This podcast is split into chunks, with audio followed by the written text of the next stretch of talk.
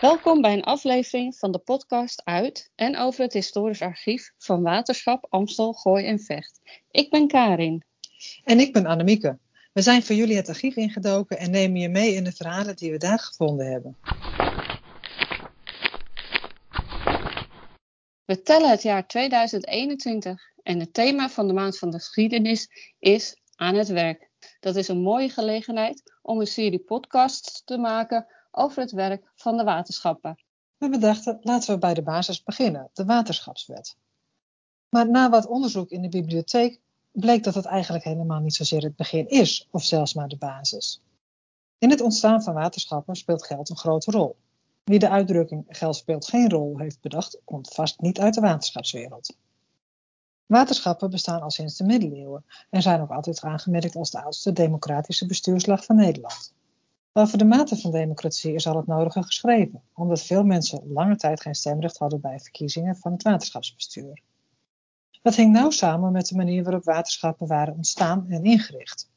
Degenen die belang hadden bij het werk van waterschappen moesten meebetalen en kregen daardoor ook iets te zeggen via het stemrecht.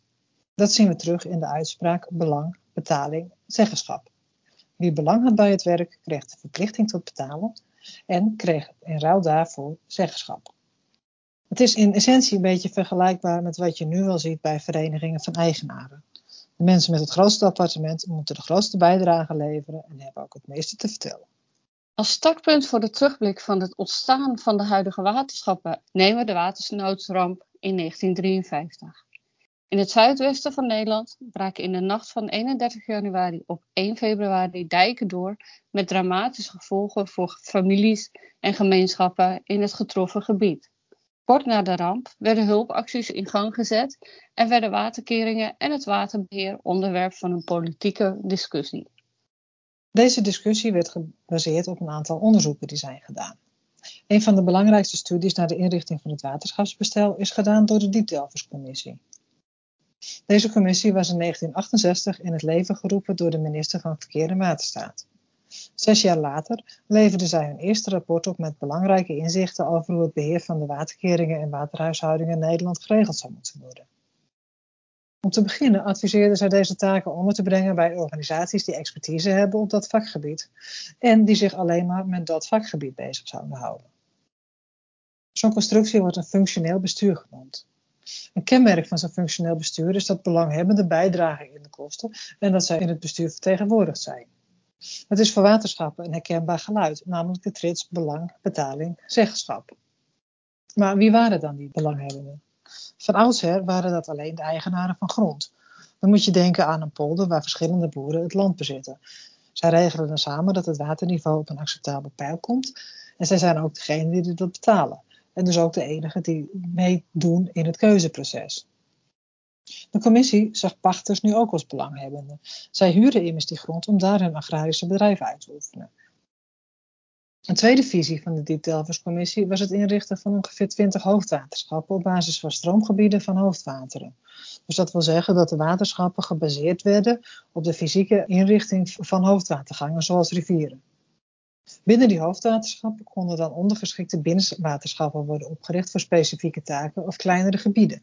Dat is dan weer een beetje vergelijkbaar met de polders of kaderschappen uit het verleden. De structuur en de financiering van waterschappen zou moeten worden vastgelegd in een algemene waterschapswet. Zo'n wet bestond in de tijd nog niet. Tot zover dus de Diepdelverscommissie. Nu terug naar de landelijke politiek. De regering was het in hoofdlijnen eens met de adviezen van de Diepdelverscommissie. Het was van belang om de waterstaatszorg doelmatig en decentraal te organiseren en om ervoor te zorgen dat alle betrokken belangen worden afgewogen. Waar de regering het niet mee eens was, was het systeem van hoofdwaterschappen en binnenwaterschappen. Verder vond de regering ook dat er meer mensen als belanghebbend aangemerkt kunnen worden. Ook de inwoners van een gebied hebben belang bij het werk van een waterschap. Zeker als je dat afzet tegen de ontwikkelingen in de jaren 70, waarbij meer bevolkingsgroei ontstond en ook meer mensen in lager gelegen gebieden woonden, was het niet meer goed uit te leggen dat alleen grondeigenaren bijdroegen aan de inkomsten van het waterschap. Hoewel er nog keuzes nodig waren, stonden de lichten eind jaren 70 op groen om de gewenste waterschapswet te gaan ontwikkelen. Daarvoor was eerst een wijziging van de grondwet nodig. Die vond plaats in 1983 en de invoering van de waterschapswet in 1992. De kosten voor het werk van waterschappen werden vanaf toen door meer mensen betaald.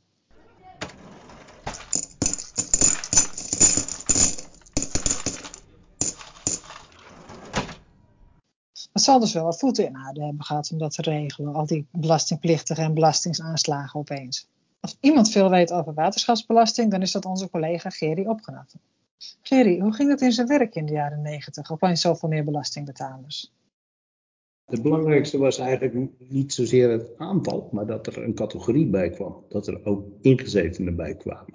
Dat betekende natuurlijk wel een hele grote schaalvergroting, maar die schaalvergroting van het aantal, dat is eigenlijk met een geautomatiseerd systeem eigenlijk niet echt het probleem. Ik bedoel, of je er nou uh, duizend of honderdduizend hebt uh, voor het systeem, maakt het niet zo ontzettend veel uit. Dus het, het is meer de invoering dat er een nieuwe categorie bij kwam. Hè, want ingezeten die waren er nog nooit geweest. Vreemd zat er meer in dat die, dat die mensen nu ook aangeslagen waren. Waardoor we plotseling met heel veel mensen in het gebied te maken kregen. En het maakt natuurlijk wel heel erg veel uit voor het aantal vragen die je kreeg. Want voor de mensen in het gebied was het ook nieuw, uiteraard. Ja, en uh, die moest je toch uitleggen waarom ze nou plotseling een, uh, een aanslag kregen. Dat hadden we natuurlijk al wel geprobeerd in die tijd. Maar ja, de digitale uh, informatievoorziening was, stelde nou niet zo gek veel voor in de jaren negentig. Dus het, ja, die vragen die werden natuurlijk wel gesteld. En mensen zijn ook boos van waarom moeten wij nou gaan meebetalen? Ik betaal toch al huur. En nou, ze gingen ervan uit dat het wel in de huur zou zitten. En dat was voor een deel ook zo. Dus dat moest eigenlijk door de, uh, huur, de huiseigenaren weer uit de huur worden gehaald. Want zij betaalden de aanslag voor de eigenaren.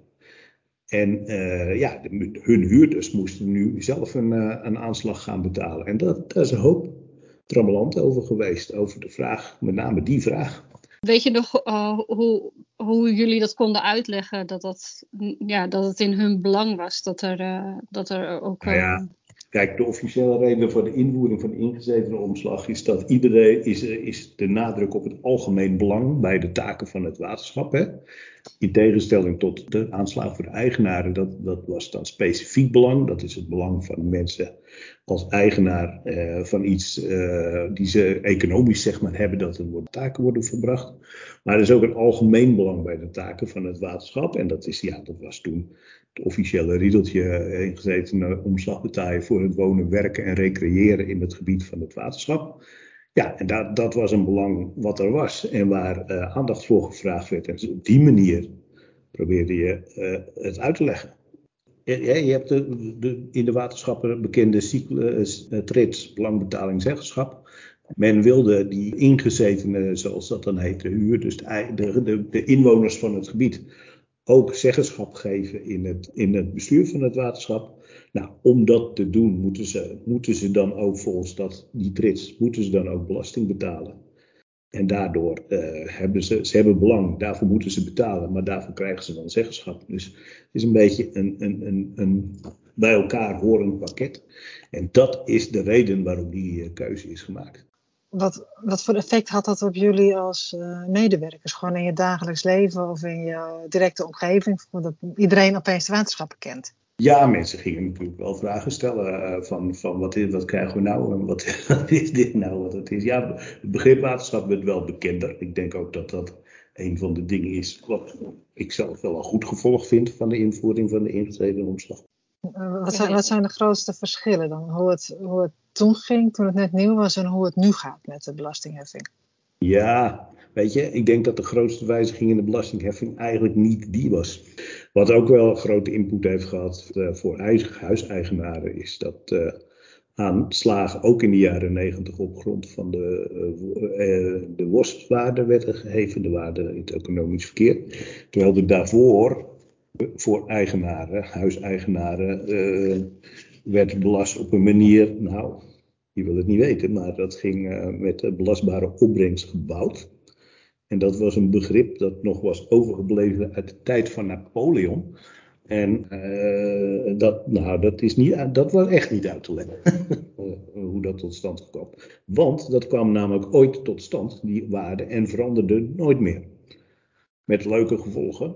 Want je hebt uh, bijvoorbeeld de Baanbrugse Zuur Want in de tijd dat dit werd uitgevonden, in de tijd van Napoleon, eh, de tijd, daar woonden daar turfstekers. En je, dat was een ongewilde hoek van het gebied. Ja, inmiddels stonden de villa's en, en, uh, en, en, grote panden. En als er iets moeilijk was uit te leggen, was dat wel, eigenlijk. En dat is vervangen door, door, de, door de waarde. En dat was dan op zich een begrip waar elke huiseigenaar wel een voorstelling bij kon maken. Dus de, ja, dat heeft eigenlijk een hele grote impact gehad op, uh, op de hele belastingheffing. Nou, de ingezeten omslag ook, omdat je natuurlijk inderdaad met hele grote groepen belastingbetalers te maken krijgt. Dus uh, ja, dat, dat, dat heeft er natuurlijk wel ingehakt, dat, dat grotere aantal. En dat betekende ook gewoon dat er meer mensen nodig waren en dat je meer vragen kreeg. Dat je een, een veel groter belang kwam eigenlijk bij, bij ja, wat, we nu, uh, wat we nu de klantenbeheer, het klantenbeheer zouden noemen, maar wat toen nog niet zo heette. Maar wat in ieder geval wel uh, was van ja, vragen die er kwamen, informatie die je moest geven, uh, wat je aan de telefoon zei, dat werd eigenlijk veel belangrijker. Met de invoering van de waterschapswet had het begrip waterschap zijn eerste wettelijke vastgelegde definitie gekregen. Waterschappen zijn openbare lichamen welke de waterstaatkundige verzorging van een bepaald gebied ten doel hebben.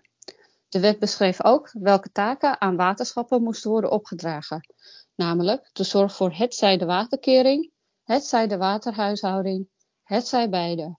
Met de waterschapswet werd zodoende geregeld dat beheer van waterkeringen en de waterhuishouding door waterschappen moest worden gedaan. Ook werd bepaald dat meer mensen een belang hadden bij het werk van de waterschappen dan eerst het geval was. Zij kregen stemrecht en moesten belasting gaan betalen. De vragen die dit opriep leidden tot meer werk en de oprichting van een telefonische klantenservice. Informatieverstrekking via internet was immers nog niet zo gangbaar in de jaren 90. Als we verder terugkijken in de geschiedenis, zien we dat informatieverstrekking lange tijd een taak was van de secretaris. Hoe die rol er tegenwoordig uitziet, dat hoor je in de volgende aflevering.